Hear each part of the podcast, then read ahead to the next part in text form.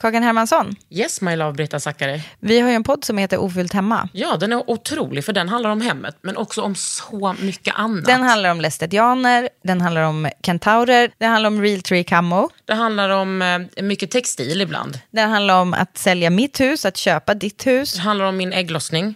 Alltid. Ja. Min också. Tack. Den heter Ofullt hemma och den finns där poddar finns. Hörs i podden, hej då!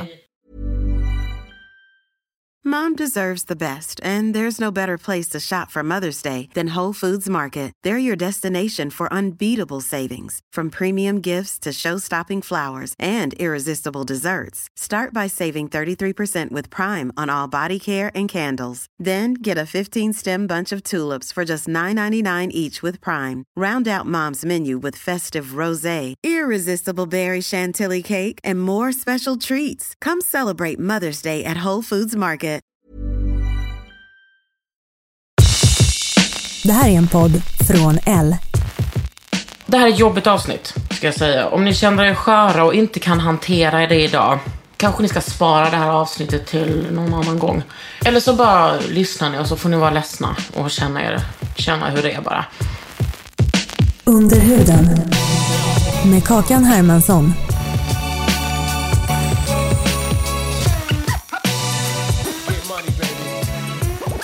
Två år sedan ungefär, lite knappt, så låg jag i en, en sån här tandläkarstol, fast en ögonbrynstol på gamla Rockbrows, på det lilla, lilla stället på Rockbrows.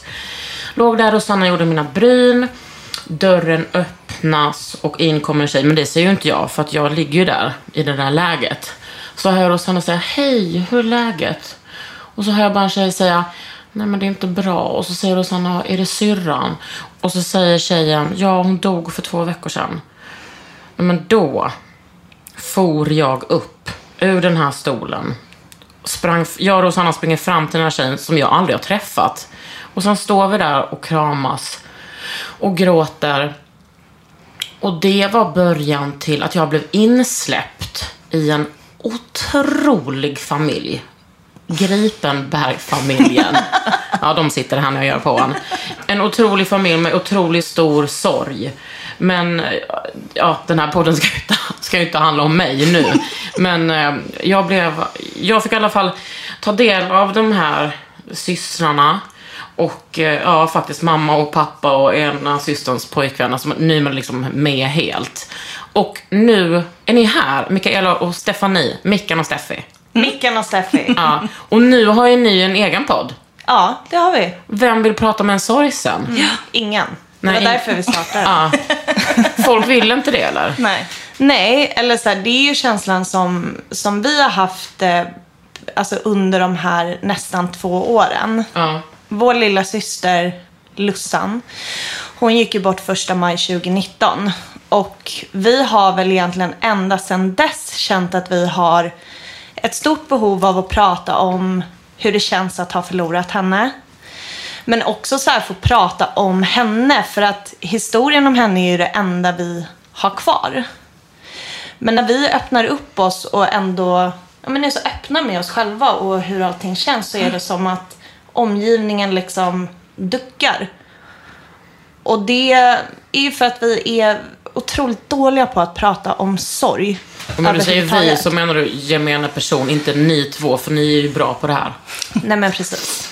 Ja, vi har ju blivit bra nu. Ja, vi är sorgexperter. Ja, Ja. men det var väl också... Alltså främst så var det ju att när vi gick igenom den här sorgen så letade ju vi jättemycket efter någonting som man kunde relatera till. Men det fanns ingenting. Det som finns är liksom psykologer som pratar om sorg. Men den personliga berättelsen finns inte. Nej. Nej. Och det, alltså, det som har varit så himla konstigt också tycker jag, det är att men jag vet inte, när man ändå är på något sätt generös och själv tar så här initiativ till att faktiskt prata om sorg. För det är inte jättemånga som kanske vågar fråga på riktigt om hur man mår och sådär. Att ändå då liksom mötas av att folk blir obekväma eller inte ställer följdfrågor. Eller bara liksom frågar ifall man typ går till en psykolog. Det är sånt som vi har mött jättemycket och det känns överlag som att människor, alltså vi människor överlag har typ kommit överens om att så här, sorg är någonting som vi, ja men lite så sopar under mattan, låter någon annan hantera. Vi pratar inte om det med varandra. Men är inte det sorg i väst? Jo, Gud, lät 100 så mycket som ett typ radioprogram. På, i, sorg i väst. Sorg. Nej men jag menar, det är, alltså jag menar, jag tänker att men vår rasistiska nidbild av typ så sörjande kvinnor i andra länder är att de så här skriker och slänger sig på kistor. Är det så fel? Nej. Absolut Nej, inte. det är det som liksom man längtar efter. Ja, ja men Vänta, alltså ni förstår vad jag menar. Förstå mig rätt. Det är det, den sortens uttryck som jag skulle vilja, som jag önskar var tillåtna. Ja, men, Exakt. ja, 100 procent. Det är väldigt alltså, vit medelklass att eh, ingenting ska vara jobbigt, fult eller dåligt. Jag liksom. tror inte, jag, alltså i Sverige tror jag att det är ganska klasslöst med just eh, sorg. Ja, men det handlar ju också om att man inte ska lägga sig i varandras liv. Man ska liksom inte störa någon som går igenom sorgen. Fast det är typ exakt det man behöver. Ja, men precis. Och det där har ju vi pratat mycket om. Att folk är rädda för att trigga en och trigga fram dåliga känslor i en genom att typ ta upp någonting som är kopplat till sorgen. Och det är en väldigt fin tanke bakom det. Att man inte vill att Röra upp. man, ja, men röra upp. Men samtidigt är det så här, varför inte då? Det här är ju jättejobbigt. Och det här är någonting som vi lever med varje dag, hela tiden och kommer göra för resten av våra liv. Det kommer inte sluta vara jobbigt. Så att, jag vet inte, jag tycker typ att den här tysta överenskommelsen som vi kanske har i, i Sverige människor emellan om att vi liksom inte ska typ röra upp i varandra. Jag fattar inte den grejen. Men det är väl också ett, eh, alltså en försvarsmekanism. Om elefanten i rummet är sorgen, att man bara, nej men jag ska inte, jag ska inte ta upp det. Till skillnad från då ett psykfall som springer fram till en gråtande person i show. Ja, men det, alltså, du visste ju inte det at the time när du sprang fram till mig. Det var ju att jag bara, jamen, alltså, jamen, Jajamän. umgås för mycket. Mm, umgås- Eller inte för mycket. Nej. Men det var ju att jag är ju precis likadan. Sån har jag också alltid, eller vi har alltid varit såna att vi inte, vi har ju aldrig varit rädda för. Var Lussan sån också? Nej, men Absolut. vad Lussan sån undrar du? Blev hon eh, gode man till en kvinna hon träffade på spårvagnen en gång? Ja. Ja. Gud, det är så Kakan culture. Det är så Gripenberg culture. Ja, det är så Gripenberg. Hon gick ju också runt med en man som hon tyckte synd om som erkände ett mord i typ två timmar. Ja, just det! Då var hon, det var hon och hennes bästa. I typ två timmar Ja. gick de runt i Stockholm. Han gick och pratade om ett mord han hade begått och han Mm. hade verkligen gjort det. Men de tyckte att han verkade må så himla dåligt att de bara, vi kan inte lämna honom ensam. Så där gick de. Blir det en rättssak eller? Men jag minns, alltså, var jag minns inte. Men jag vet att polisen kom till slut. För att alltså, mamma och pappa var så här, ri, alltså ring polisen. Som för i självklart också helvete." engagerade i det här. Ja, ja, ja. Ja, men så, har ju, alltså, så är ju vår familj och har alltid varit. Alltså, up in each other's business. Jo, alltså, snälla. I fredags, då var det Facetime med er pappa. där han gav mig en present. En Ja. sån liten uh, touchscreen-penna. Som han hade beställt från något asiatiskt land. Wish. Från, ja, från, precis, från Wish. Och eh, han hade beställt två, men det var två förpackningar av tio, så han hade 20 stycken. Då fick jag välja en lila. Ja, Mm, den har jag. det var toppen. Sen tidigare har jag bland annat en laserpekare. Som man behöver. som man behöver.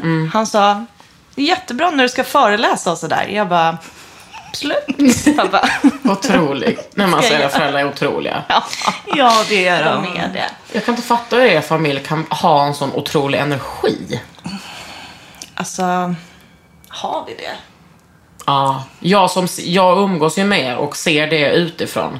Ser ju hela er familj. Ni har verkligen det. Men det kanske beror lite på att vi Är adliga. Är Ja, adliga. dels det. Nej, men jag tror att det är framförallt det, om jag ska vara ärlig. Alltså de är fattigadel, så skriv inga liksom, arga överklassmail till mig nu. Var, var du tvungen att outa det? Ja, Okej. för annars hade Ja, det kommit. ja, ska- Proletärmail. Nej, men vi har väl alltid varit, jag vet inte, för det här har ju du frågat mig så många gånger också. Typ, hur orkar ni? Hur gör ni? Eller så här, hur orkar ni vara så här på det här sättet och prata om det? Men det har ju aldrig varit en fråga Nej. för oss. Vi har ju sen den dagen som Lussan egentligen åkte in på sjukhus första gången pratat väldigt öppet med varandra. Och varit väldigt sårbara inför varandra.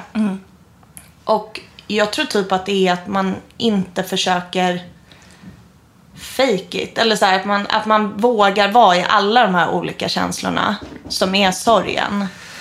Jag, men, alltså, jag vet att jag har ställt den frågan, och gud, hur orkar ni? Men eh, också vadå, vad är alternativet? Men vad är alternativet? Men sen så är det ju så här att vi har ju inte orkat heller.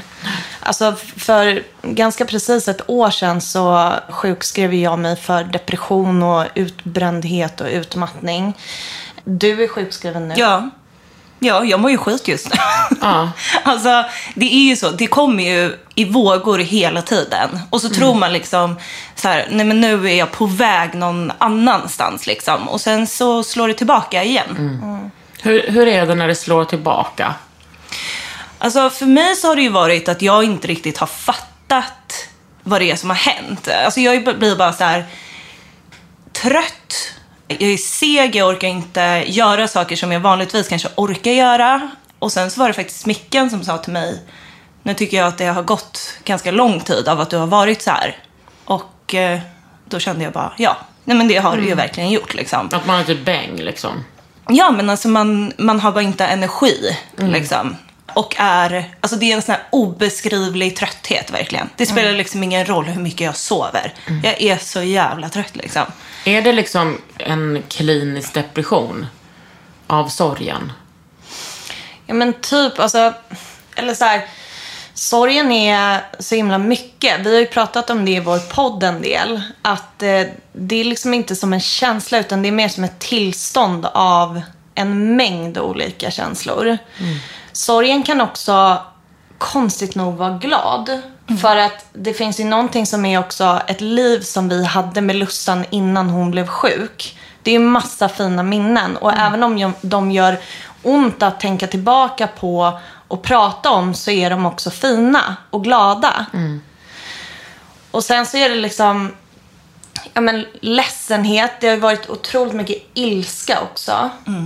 Och ja, Kan men, ni sortera den ilskan eller liksom riktar ni den till höger och vänster eller hur funkar det? ja, men det har varit så olika. Jag tror att jag har varit väldigt mycket argare än vad du har varit, Steffi. Ja, det har du.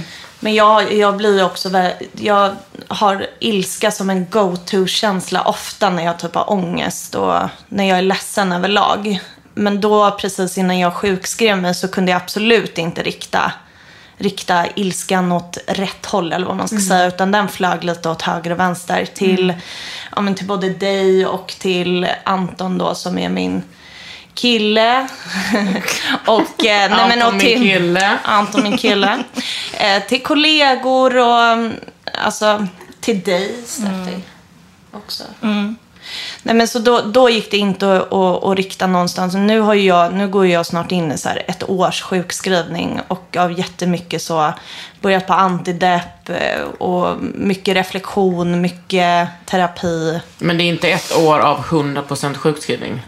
Nej, det är det, Det är inte ett år av att självklart, det här för Försäkringskassan, klart du ska få bli sjukskriven. Absolut inte. Nej, det har varit Alltså- en jävla fight. Nej, men jag, alltså, alltså, don't get me started Ring om inte mig. Försäkringskassan. Ring inte mig. Ring inte mig. Nej, men det där minns jag till och med precis efter Lussan hade gått bort när jag skulle sjukskriva mig. Så sa ju till och med läkaren som sjukskrev mig, hon bara, det kan vara ganska svårt att få alltså, godkänt av Försäkringskassan sjukskrivning för sorg. Så jag kommer att överdriva allting du säger liksom, till max nu för att du behöver vara sjukskriven. Och det känns ju helt jävla stört. Sjukskrev du dig direkt när Lussan hade gått bort? Ja, Ja. ja dagen efter. Men inte speciellt länge. Alltså jag var ju sjukskriven i typ en, en och en halv månad. Och sen så klämde jag in tre veckors jobb innan jag gick på semester. Och Mikael, du tänkte, nej jag behöver inte vara sjukskriven. Nej. Nej, jag var tillbaka på mitt jobb eh, på 100% tio dagar efter att Lussan gick bort. Hur resonerar du då? Alltså jag, jag har ingen aning. Jag inbillade mig nog att jag behövde distrahera mig själv och ha någonting att göra. Det är i alla fall det jag kommer ihåg att jag så här sa för att motivera att jag var på jobbet.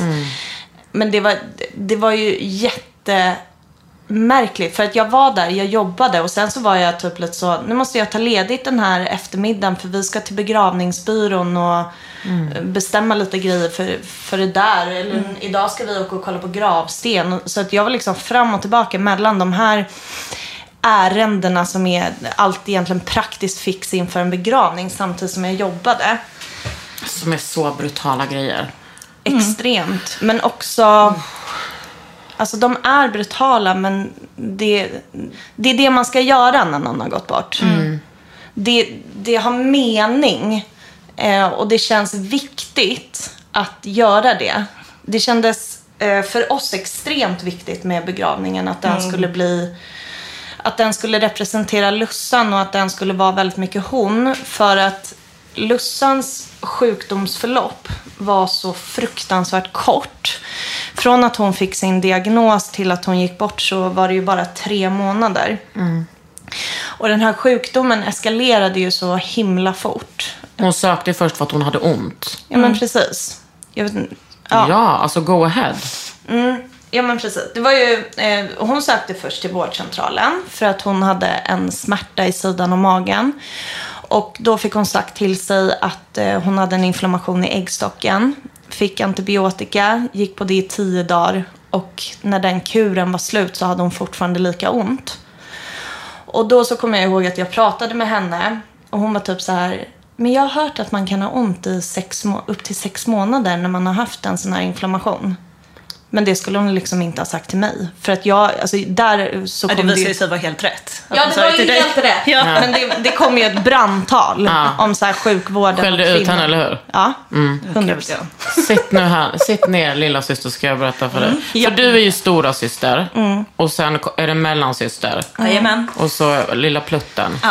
Och Lussan. Lussan. och då är det två år mellan varje. Ja, precis. Nej men så jag sa, du får, du får gå tillbaka. Du får kräv mer liksom. Eh, och det gjorde hon. Och när det väl hände så blev hon väldigt snabbt eh, liksom vidareskickad till gynakuten på Salgrenska. Hon bodde i Göteborg. Och eh, sen, alltså sen det så var hon egentligen kvar mer eller mindre i, om man ska säga, sjukhussystemet. Liksom. Då var det bara röntgen, biopsier, hela familjen. Vi alla bor ju i Stockholm, åkte ner till Göteborg och var med henne där. Och så tog det väl typ två veckor innan vi fick reda på att hon hade cancer. Eh, Eh, och det vi fick veta då var att de hade hittat tumörer i buken, levern och lungan. Men att ingen av de tumörerna var originaltumör. Utan allt det var spridningar. Och sen så fick vi veta att det var äggstockscancer. Det tog de tillbaka senare för att hon hade någon jätte... Hon hade en gynekologisk cancer men de kunde till slut aldrig helt fastställa exakt vad det var.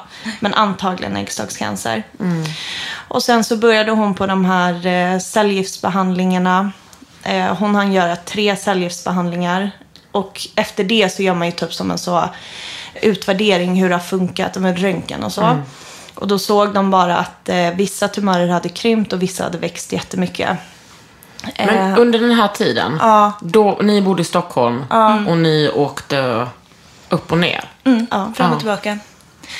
Ja, och det var ju, alltså, det var ju också liksom, ett lager att addera på hela den här skiten. Liksom. Att man inte kunde vara där hela tiden. Så vi bytte ju egentligen av varandra. Och åkte ner så här varannan vecka blev det väl till slut.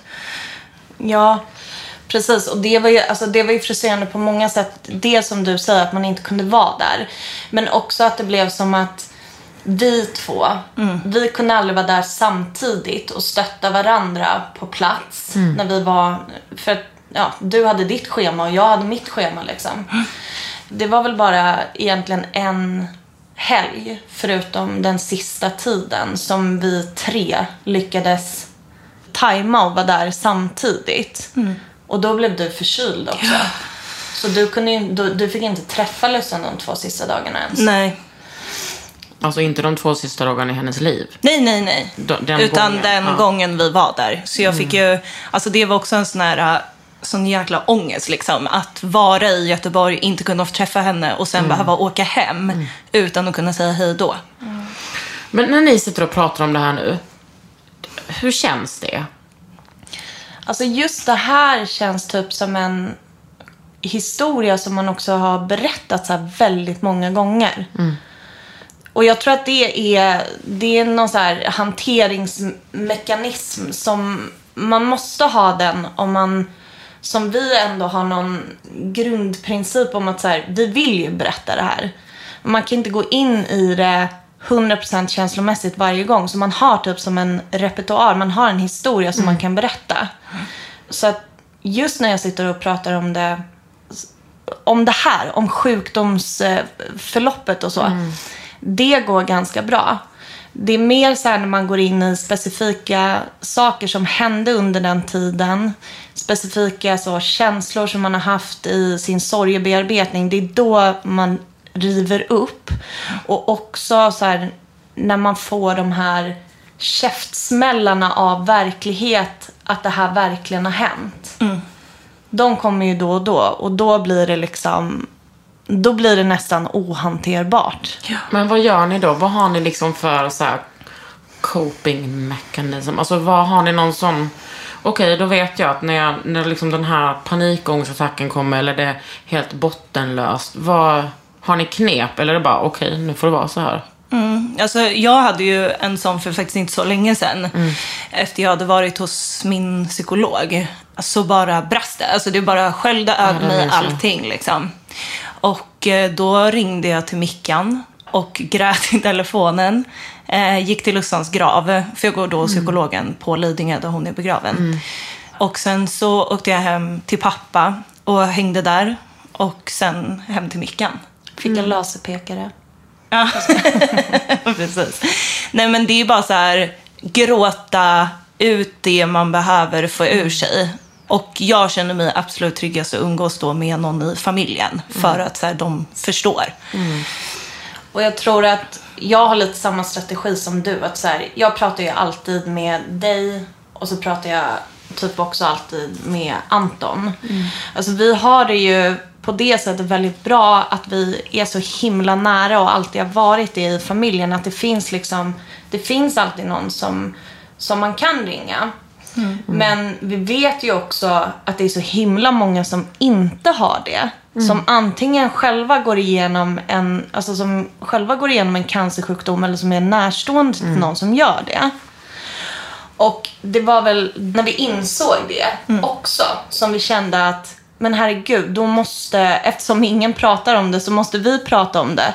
För då kanske vi kan vara två personer som man i alla fall vet går igenom någonting liknande. Och att man inte är ensam om att känna som man gör. För det, det är någonting, tycker jag, som uppstår väldigt mycket så när man får ja, men de här liksom väldigt mörka stunderna. Att då känner man sig extremt, extremt ensam. Och på vissa sätt så är man ju det också. Alltså det, en, det, som jag och Lussan hade, det var ju någonting eget. Precis som det du och Lussan hade också var någonting eget. Så vissa saker är man ju liksom ensam om att känna också för man hade sin specifika relation. Men det som vi märker är ju också att i alla fall i själva sorgbearbetningen så är vi människor, vi är olika men vi är också väldigt lika. Mm. Och det är så himla värdefullt att så här, ha varandra i det där i det där som är så himla himla jobbigt och eh, ohanterbart. Mm. Vad har ni liksom för relation till sorgen med era föräldrar? Alltså jag tänker att hur fan balanserar man det? Att ni har förlorat en syster och de har liksom förlorat ett barn. Är det, kan ni, eh, tänker ni så det här ibland att ja, men, eh, nej jag orkar inte lägga mer på dem för de har sitt eller liksom portionerar ni friskt ut till varandra bara? Alltså som att du säger att du ringer Mickan när du är ledsen. Brukar ni ringa era föräldrar på det sättet? Eller jag menar, ringer, ringer de er? Ja. Jag tror att det Alltså- finns lite gruppering. Att det är Ja, du det och tror jag. Och att det är mamma och pappa. Ja. Och att eh, vi är också liksom alla vi tillsammans. Men jag pratar absolut med dig Steffi på ett annat sätt än vad jag gör med mamma och pappa. Jag har verkligen känslan av att så här, nej men jag vill inte, jag klarar inte av att lägga över mer på dem. Och jag hade jättemycket den känslan också när jag fick sjukskriva mig för depression. För då blev ju mamma och pappa såklart jätteledsna. Då fick jag också så nästan dåligt samvete att jag bara, okej men nu ska de så här ha ett till barn som inte mår bra. Ja, men jag tror att det är alltså, lite samma för mig. Du är ju min go-to-person att ringa när jag mår på det där sättet. Och jag tror också mycket av det beror på att så här, du var också en syster till Lussan. Så att du kan på det sättet förstå vad jag går igenom medan mamma och pappa var en förälder till Lussan. Även om vi har förlorat liksom, henne allihopa så hade man olika relationer. Och det, alltså, någonting som jag ändå tycker är fint i hur vi möts i det så här, som systrar och de som föräldrar, det är att vi har ju blivit mycket mer så att vi delar saker, alltså sånt som har hänt under så våra uppväxter och så, som man kanske inte berättade för sina föräldrar. Nej. Det, det kan vi dela nu för att det, det är, så, det är så preskriberat ändå. Men att de, de vill ju höra allt. Precis som de är mycket mer så frikostiga med att kanske berätta så här saker om hur hon var när vi var så små att vi kanske inte kommer ihåg det. Så vi, vi, Det gjorde kanske grejen. inte så mycket om man rökte gräs. Nej, Nej. eller åh Nej. gud. Det kan, det kan... Alltså de lyssnar på den här podden, det kan jag Ja. berätta för Ja, det er. kan jag berätta. Ja. Men, eh, Nej men ni, men, ni menar att det värsta har redan hänt, så lite gräs är inte så farligt? nej. Nej. Just Ja, gräset har de inte blivit klara över. Men allt annat går bra. Ja. Men det- Kokain, heroin. Ja. Men det har ju också blivit, efter att vi faktiskt startade podden, så blir det ju äh, liksom en diskussion efter varje avsnitt. Som ändå så här har öppnat upp för nya samtal. Alltså diskussionen, var sker den diskussionen? Mellan er och mellan familjen? Nej, alltså mellan eh, familjen. Ja. Så med mamma och pappa. Så ibland så eh, får ju de lyssna på avsnittet i förhand. Eh, och sen så då liksom dyker det upp nya samtal som man kanske inte... Alltså så man pratar ju inte om sorgen hela, hela tiden. Men nu gör ju vi det. Och då liksom kommer de här nya samtalen. Vi ska ju också säga att i er familj så ingår ju också äh, Mickans kille Anton. Mm, och det tycker jag du pratar om på så bra sätt. Att, liksom, att folk är så här, frågar dig hur Mm. du mår hela tiden. Men han har ju varit en del av ert liv så länge och hade en egen relation till Lussan. Mm. Ja, ja, ja. Alltså, han var ju också helt otrolig under hela sjukdomsperioden. Det var, alltså, hon, Lussan bodde i Göteborg. Anton bodde också i Göteborg at the time. Och han öppnade liksom upp sin lägenhet och lät, alltså även om det var du, mamma, pappa som kom ner till Göteborg så bodde man ju där. Det var en, en stor självklarhet. Han var hos Lussan liksom var och varannan dag hela tiden. Han var med när hon tog sina sista andetag tillsammans med resten av oss i familjen. Han var liksom där hela tiden. Och han, ja men vi har varit ihop i nio år och det är ju lite så, alltså lär man känna mig, Steffi eller då Lussan också, då lär man liksom känna hela familjen. Grotenberg. Ja. Det finns inget annat alternativ. Så han har ju, alltså det är ju sen dag ett han satte foten hemma hos familjen Gripenberg. Då sitter, oh gud, då satt hela familjen uppradad i soffan. Pappa satt med en iPad och bara, nu ska vi ha ett quiz om periodiska systemet. herregud. Innan han ens har hunnit typ, ja men du vet, ta av sig Vadå? jackan. För att, han, för att han är kemist? Ja. Ja, pappa ville kolla hur mycket han kunde. Men också bara, typ Sveriges yngsta doktor i kemi. Ta det lugnt, ta det Stefan. Alltså. Nej men det, ja, Han är också Sveriges yngsta doktor i att eh, automatiskt härma andras dialekter. Alltså när, när, när jag är med Anton, alltså det tar... Alltså först så är han tyst för att han vet att han kommer fela. Sen när han öppnar munnen så pratar han liksom som jag. När vi var åt hamburgare i söndags. Ja. Han vågade inte prata. Sen när han öppnade, då började du häckla. ja, ja, på en gång. Mm. Alltså jag tänker inte låta honom komma undan med det där. Alltså du måste förstå också Hälsa att- min påg från ett annat tåg. Ja, ja. Det var otroligt. Nej men, Han, han pratar ju Sveriges sexigaste dialekt i vanliga fall. Varför? ja, fast han har ju aldrig gjort det. Han Nej. har ju typ aldrig pratat göteborgska. Han, han, Men är... han har ju inte ens kunnat härma göteborgska. Nej, men det kan han knappt längre. Han kämpar på. Han, kämpar. Han är doktor i alla fall. han är otrolig. Mm, det är han. Nej men grejen är att han har egentligen inte lyft det så himla mycket själv. Utan det är jag som har lyft det med honom. Att så här, jag lägger märke till att folk frågar dig om mig hela tiden. Och jag vill bara att du ska veta att vi som vet, vi fattar att du går igenom det här lika mycket som vi gör. Det finns liksom ingen så, bara för att du kom in i familjen för nio år sedan. Det, det existerar inte i Vad skönt familjen. att få den bekräftelsen. Ja, ja, ja, det tycker han. Och det ska han också ha. Han, ja men som sagt, alltså han och Lussan, de, de har varit utomlands tillsammans. Alltså de hade ju Ja. alla sina jättepretentiösa intressen tillsammans. Ja, gud, det var ingen du och jag kunde störa mig så mycket på som de när de blev pretto. Nej men de vill ju ofta prata om så här prosalyrik. typ. Ah. Varför det? Ja, det kan Alltså i man vilken verkligen. form vill de prata om det? Nej men bara diskutera. All right. Nej, men alltså du förstår ju. Det är liksom jättesvår litteratur och nej, men de var liksom alltid på så spelningar tillsammans, hade en helt annan så musiksmak än vad egentligen du och jag och mamma och pappa, har de musiksmak? Jag vet inte. Nej. Men än vad vi har liksom. Så de hade ju sin egen grej. De var ju också syskon på ett helt operverst sätt. li- Alltså det finns ingen... Men vadå, ni var syskon på ett perverst sätt? ja, vi var det. Nej. Nice. Men, Under huden. Hiring for your small business? If you're not looking for professionals on LinkedIn, you're looking in the wrong place. That's like looking for your car keys in a fish tank. LinkedIn helps you hire professionals you can't find anywhere else, even those who aren't actively searching for a new job but might be open to the perfect role. In a given month, over 70% of LinkedIn users don't even visit other leading job sites. So start looking in the right place. With LinkedIn, you can hire professionals like a professional. Post your free job on linkedin.com/people slash people today. Planning for your next trip? Elevate your travel style with Quince. Quince has all the jet setting essentials you'll want for your next getaway, like European linen, premium luggage options, buttery soft Italian leather bags, and so much more. And is all priced at 50 to 80% less than similar brands. Plus, Quince only works with factories that use safe and ethical manufacturing practices. Pack your bags with high-quality essentials you'll be wearing for vacations to come with Quince. Go to quince.com slash pack for free shipping and 365-day returns. Någonting som jag tycker är otroligt med den här podden. Vem vill prata med en sorgsen? Inte en jävel, ja heter det inte, men det är responsen som ni får. Ja. Ja, det är helt sjukt. Ja.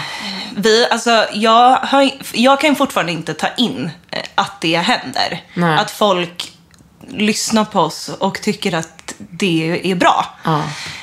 Eller att, så här, eller att det är oss det handlar om. Jag sa ju det senast till dig när vi var på väg hit i taxin. Att jag kan liksom inte ta in det här sjuka liksom. Nej. Och det har ju varit så sen vårt första avsnitt egentligen. Vilket, alltså nu, jag provade att lyssna på vårt första avsnitt. Jag bara, hur har någon ens orkat ha det här i sina öron? Nej, det är fruktansvärt ljud. För att ljudet, alltså det är det, det jag får panik över. Att vi är så dåliga tekniskt. Men att sen den dagen vi släppte första avsnittet så har vi fått alltså, långa meddelanden på både vår poddinsta, följ, vem pratar med en sorgsen?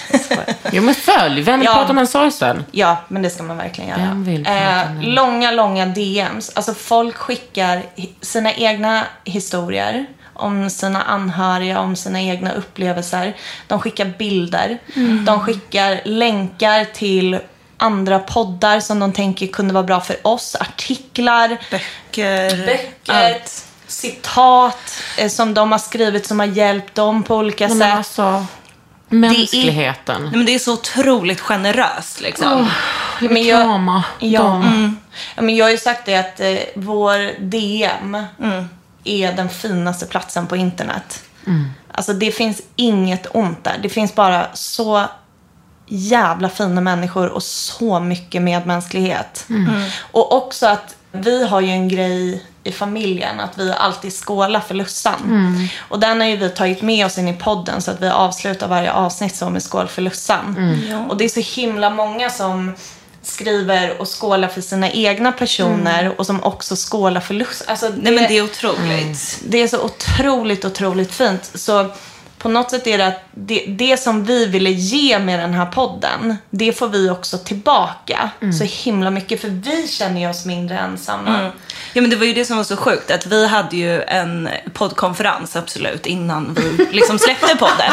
För att vi gör Ja. inget halvhjärtat. Hyrde ni typ? Alltså vi gör väl så mycket Ja men, halvhjärtat. behöver inte outa det. Inte den där, inte den där tuna melton vi åt igår. Nej. Det var inget halvhjärtat där. Men, men då- ni hade konferens. Ja, absolut. Och eh, då så skrev vi som typ en målbild. Och på den så står det så här, om vi kan hjälpa en person att känna sig mindre ensam så är vi nöjda. Alltså då har vi nått målet typ. Äkta tjejmål också. Jag kan tänka mig att hjälpa en person. Killar bara, världen, är ni redo? Alltså 100%. World peace. Nej men eh, det var i alla fall vårt mål. Blygsamma mål. Men eh, det visade ju sig att det hände ju på typ de första minuterna från att vi släppte podden. Och sen har det bara liksom fortsatt. Men känns alltså eftersom ni hade som mål att hjälpa andra, hur, hur känns det? Vad är det för liksom, hur, hur känns den tillfredsställelsen? Ehm, Oh my god, två, att ni två är tysta så här länge. Obehagligt. Förlåt, förlåt. Det Speciellt du micken, man bara what? Thinking are we? Nej men det känns, det känns så otroligt värdefullt skulle jag vilja- säga. Som, som jag var inne på lite för, eller så här, det finns så otroligt många människor som är ensamma som går igenom det här. Ja, fy fan. Och att de personerna också skriver till oss och säger att vi gör det mindre ensamt. Det är liksom, det är allt. För det, är, det här är allt vi har kvar. Det är ju, alltså det är så här. Vi, vi har inte längre Lussan, vi kan inte göra någonting för henne. Så det här är liksom, det här är det enda vi kan göra och att då få den responsen, alltså Nej men det känns ju bara, det känns overkligt. Men så värdefullt. Meningsfullt liksom. På ett sätt jag aldrig kunde föreställa mig. Nej. Nej, jag, jag hade ingen aning om att responsen skulle bli den den blev. Men också känner jag att eh, alltså det är ju många så som man kanske jobbar med eller personer i ens närhet såklart som lyssnar på podden. Att man märker att så här, personer runt sig också tar till sig av det som vi säger och att vi faktiskt öppnar upp för annorlunda samtal om sorg.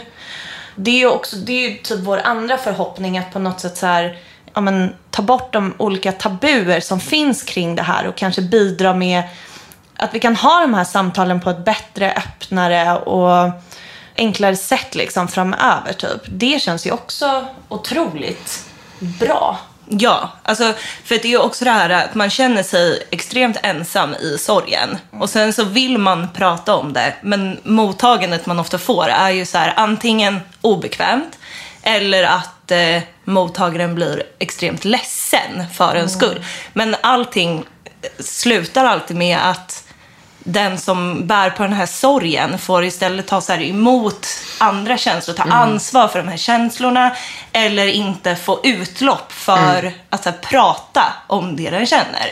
Så det, det liksom, slutar ju alltid med att man hamnar i ännu mer skit. typ. Precis, men det har vi pratat mycket om Mikael. Men det är också säkert. Att, eh, det, att du har varit rädd för reaktionen när du berättar. Ja, eh, min syster har gått bort. Och sen att du bara, eh, inte typ, nej det är inte så farligt för det är det. Men liksom att man hela tiden måste välja. Man räddar upp. Ja. Och det här, alltså det här har vi pratat om i ett helt poddavsnitt också. Att det är på något sätt så här, typ om någon, om någon frågar hur man verkligen mår, verkligen vill veta, och man är väldigt ärlig med det, så märker man väldigt ofta att stämningen blir som så att man ändå måste slänga in någonting men eh, jag är ledig i två dagar imorgon i alla fall, så det, det är bra ändå. Det är bra. Att man, man måste alltid slänga in den där lilla, eller så här att det, det, det blir nog bättre med tiden. Typ alltid slänga in den här, jag vet inte, för- förbättringspotentialen. Men, men har ni övat på att klippa bort det? Att liksom att bara, nej men jag ska inte säga det. Jag ska bara, köra, ja så här är det, det är vidrigt. Både ja och nej. Det beror väldigt mycket på situation tycker jag fortfarande. Jag vet inte om jag har gjort det. Jag kan inte, jag kan inte minnas om jag har gjort det eller inte. Så antagligen inte. Men jag tror jag har gjort det ganska mycket. Men det som jag märker är att alltså, om man inte själv slänger in det där om att det, det kommer bli bättre, då kommer en annan person göra det åt dig istället. Ja, så är det ju. Och det, är jätte, det kan vara jättefrustrerande. För det är också så här, va, men vad är det som ska bli bättre? Alltså vi har ju förlorat den som vi älskar mest i hela världen. Det finns liksom ingen förbättringspotential i, det, i den situationen. Det existerar inte. Och det tror jag också att så här, när det handlar om rädsla att prata om det här jobbiga, det är att när folk känner ju säkert att så här, det finns ju ingenting de kan säga, för det finns ingenting som kan bli bättre. Och då struntar man heller i det, för jag tror också att det är väldigt så eh, mänskligt att när man pratar med någon som mår dåligt så vill man att den ska börja må bra, typ. Man vill fixa det. Det Exakt. går ju inte att fixa. Nej. Det går ju inte. Jag kan inte heller tänka på rakan, vad fan, vad man säger, vad säger man? Att det är för jävligt. Ja. Ja, jag har ju ändå lyckats med er två. Jag får ju ha er i mitt liv. Ja. Så något måste ha jag... Något rätt gjorde du. Men jag är ju också en person som kommer från massa trauman. Ja. Och har ju inte förlorat min syster i cancer, men hon, jag har ju gått igenom hennes cancer och förlorat massa människor. Jag tror nog det har hjälpt. Det är en sån öppen sårbarhet liksom. Ja, men och jag tycker också att det är fint med sådana som vågar fråga om Lussan. För att det är någonting som, som väldigt många räds av. Man frågar inte så vad som hände eller man ska inte gå in på det. Liksom. Men när man verkligen vågar fråga och man får öppna upp och berätta. Det är liksom jävligt fint. Ja, och oavsett om hon liksom levde eller är borta så undrar man ju liksom den tredje pusselbiten i de, i de här systrarna. Hur fan var hon om ni två är så här? Nej, men vi, var ju, alltså, vi var ju tre väldigt lika personer, men också väldigt olika. Ja, gud ja. Alltså Lussan är äkta så här, yngsta barn också. Att hon gick lite sin egen väg. Alltså om man tittar på dig och mig Steffi, vi är ju... Alltså, Men jag är- har ju bara är följt efter dig. Jag har ju bara följt efter dig. Ja. Fast det har du. Jag bara, Jo, men mm. alltså, Ja. till stor del har ja, men skillnaden mellan oss är att du har brunt hår och jag har blont hår. Och Ja, det är, Och det är där den tar enda slut. skillnaden. Det är den enda skillnaden. Ja. Nej, men eh, om man, vad gillar vi? Vi gillar typ reality, Rihanna. politik, Rihanna, Ja. clothes and makeup. Tjej, tjejgrejer. Ja. Riktiga tjejgrejer. Politics. Nej, men, eh, och Lussan var ju mer så, hon pluggade geografi. Mm. Alla vi i familjen bara, varför ska du göra det? Vad är, Inga- vad är geografi? Vad är Vad fan blir man Varför då? ska inte du skriva en uppsats ur ett feministiskt perspektiv om Ja. Paradise Hotel? Ja, det var Exakt. ungefär exakt det vi undrade. Nej men, eh, och hon var ju mycket mer så, hon gillade att vandra i fjällen och hon har ju varit på Mount Everest, är det det? Kebnekaise. Ja, Kebnekaise. Det är lite Nej. Nej, men hon har varit Kilimanjaro. Nej. Fan. Nej, men jag har ju... Nej men nu, nu skakar hon så mycket på huvudet. Ja, ja, ja. Ni hör att vi inte hade någon jävla aning om vad hon Hon kom. var vid ett högt berg i Nepal. Så ni som lyssnar som vet vad Det det är är. inte vi som är utbildade geografer, så vi Nej, har ju det ingen var aning. Skitsamma. Geografer. Hon, var, hon jobbade i slutändan efter sin utbildning som kartingenjör. Hon har så här cyklat ensam genom halva Europa. Någonting som vi i familjen också var typ så här, varför ska jag göra det? Ja, vi planerade ju en kupp. Eh, hela familjen pratade med Mickan och bara, du är den enda som kan övertala henne till att inte göra det här. Så att du får ta det samtalet. Men eftersom vi är så förutsägbara i familjen så visste ju hon när Ja. jag ringde exakt vad jag skulle säga. Så hon var ju Hej, det är stålsatt. Mickan. Ja. Lussan, har du verkligen tänkt igenom det här? Gud, jag skulle få panna om min syra skulle göra det. Men jag är Eh, förbjudet min syra att göra så mycket saker. Ja. Nej men så hon var väl mer så, hon var lite mer sin egen person. Men Verkligen. samtidigt så var vi tre så himla lika. Och också så lika utseendemässigt. Ja, ja, ja. Och vi framförallt har alltid varit alltså, bästa vänner. Vi har ju verkligen hängt ihop i så här, alla skeden i livet. Alla skeden. Men vi har inte kunnat fly någonstans heller. Alltså vi bodde liksom, du och Lussan delade ju rum hela uppväxten. Jag var den enda som hade eget rum i vår familj. Såklart. Lilla, lilla drottningen. Lilla drottningen. Lilla drottningen ska ha eget rum. ja. Jag var äldst, det var nog mest det. Det kan också ha varit att du var lilla drottningen. Ja. Alltså så jävla roligt också att Steff, alltså när Lussan var liten så älskade Lussan Carola. Steffi ger Lussan i julklapp en jättestor plansch Nej. på Carola. Och sen så förbjuder Steffi Lussan att sätta upp den i deras rum för hon vill inte ha Carola-affischen på vägg. Jag tänkte att det var så, jag var ju liksom inredaren av rummet. Jag kunde ju också gå ut och så här, köpa typ olika inredningsgrejer och så sa jag bara, ja det här blev så här mycket, du kan ju sätta över hälften. Hon bara, nej. Gjorde hon det? ja. Vadå, hur, pratar vi liksom att ni var så här 15 och 17? Det, ja, det är även när vi var lite yngre, men ja, alltså typ. Den där Carola-affischen. Nej, men så jag tror det liksom har bidragit till alltså, att vi tre men också hela vår familj är så himla, ja, men jag vet inte, tight. Alltså, Det är ju personlighetsgrej eh, också såklart att vi, vi gillar att umgås. Vi har haft tur att vi i vår familj verkligen tycker om varandra och har jävligt kul tillsammans. Alltså era föräldrar, legender, legendariska, legendarer. Mm. de är faktiskt Det är de. De Det är är de. det. Träffade Kakan. Träffade Kakan ute på gatan. Legend kan man vara. Åh gud. Gud. Nej, igår så fick ju um, Mickan facetimea med mina föräldrar. Jag hörde det. Snälla. Det var några som, nu är det några som skålar för Lussan i Lund. Det ska jag berätta. Så jävla fint. Det är så fint. Janne och Kerstin, ja de är faktiskt otroliga. Men vad har ni för planer nu framöver med podden? Med padden. Ja, vad har vi för planer? Alltså, Ny konferens. ny konferens. Jag ska med på den konferensen, men Ja, vi det ska ska inte du sitta i faktiskt. samma rum. Nej. Alltså, planen är att eh, fortsätta. Om det är någon som känner att de har en studio till oss. Ja, Ring inte, mig. ring inte mig om du inte har en studio till oss. det var rätt. Ja. Ja, precis. Om ni vill stötta de här två stackars adliga tjejerna, fattiga adeltjejerna med en studio. Ja, men det skulle fan vara bra för er med studio. Ja, det hade varit jättebra. Alltså vi gör ju allt själva nu. Så nästa mål är väl att på något sätt Ja, men jag vet inte, typ eh, levla podden ändå så att vi kan, för vi har ju så här massa planer, massa teman kopplat till sorgen som vi som vi vill prata om. Vi skulle ju också egentligen vilja göra längre avsnitt än vad vi gör. Men i dagsläget så gör ju vi allt själva. Så Men jag tror också att det är bra med ganska så korta avsnitt när det är som tungt ämne. Ja. inte om du tittar på vad folk skriver till oss. Det är typ Ah. den vanliga, alltså det är väl den enda Ah, så kritiken vi så. får, att folk vill ha längre avsnitt. Ja, okej, kör längre. Ja, lite längre skulle Men kunna. okej, jag har önskegäst. Det är en sjukhuspräst. Bra. Ja, det var bara det. Ja, ja men och det är ju också en grej framöver i podden att vi, vi kommer ju ta in gäster också. Vi tycker att det är jätteviktigt. Vi pratar ju liksom bara ur vårt eget perspektiv. Och det är vi väldigt noga med att säga i podden också. Att här, Vi pratar inga sanningar. Vi pratar bara våra egna känslor och perspektiv. Men det hade ju varit jättefint att få in andra eh, människors röster också.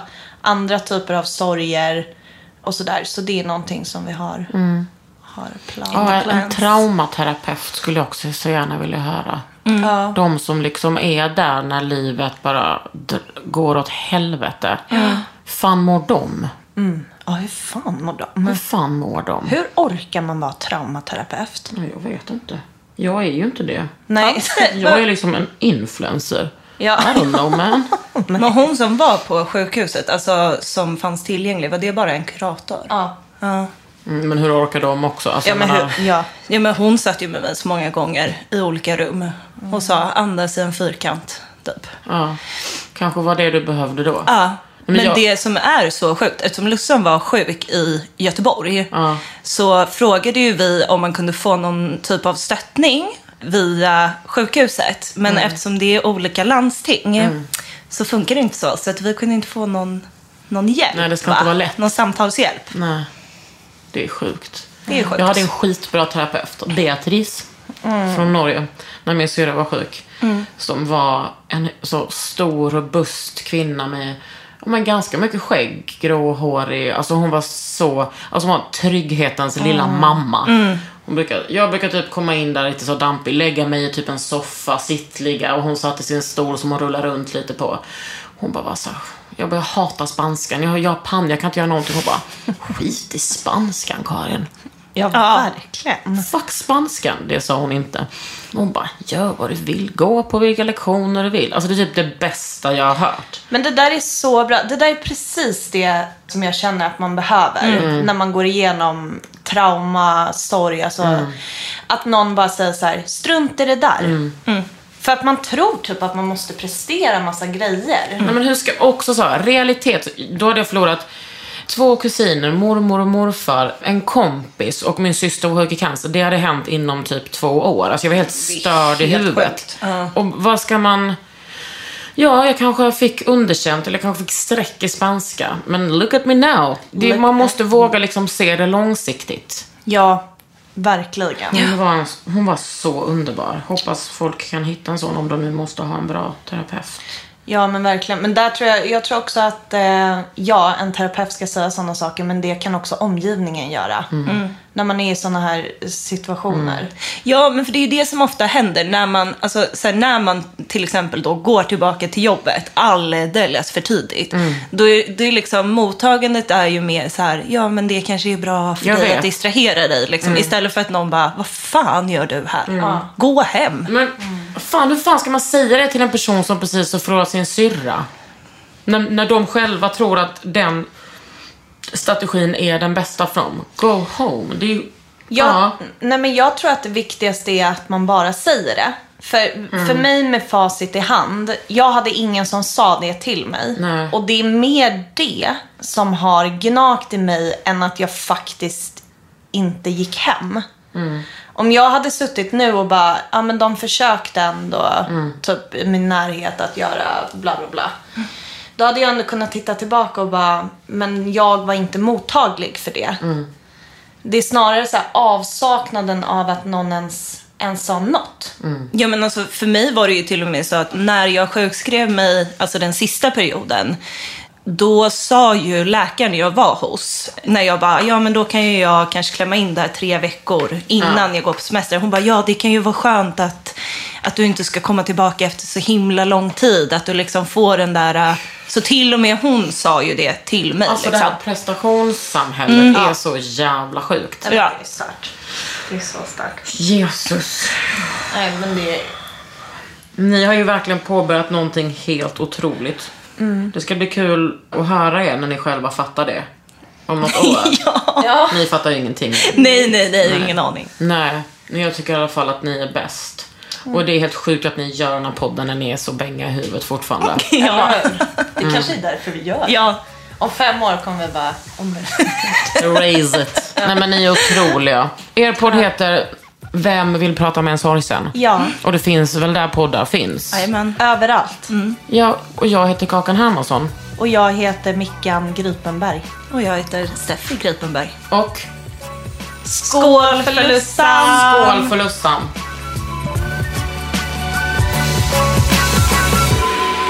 En podd från Allermedia.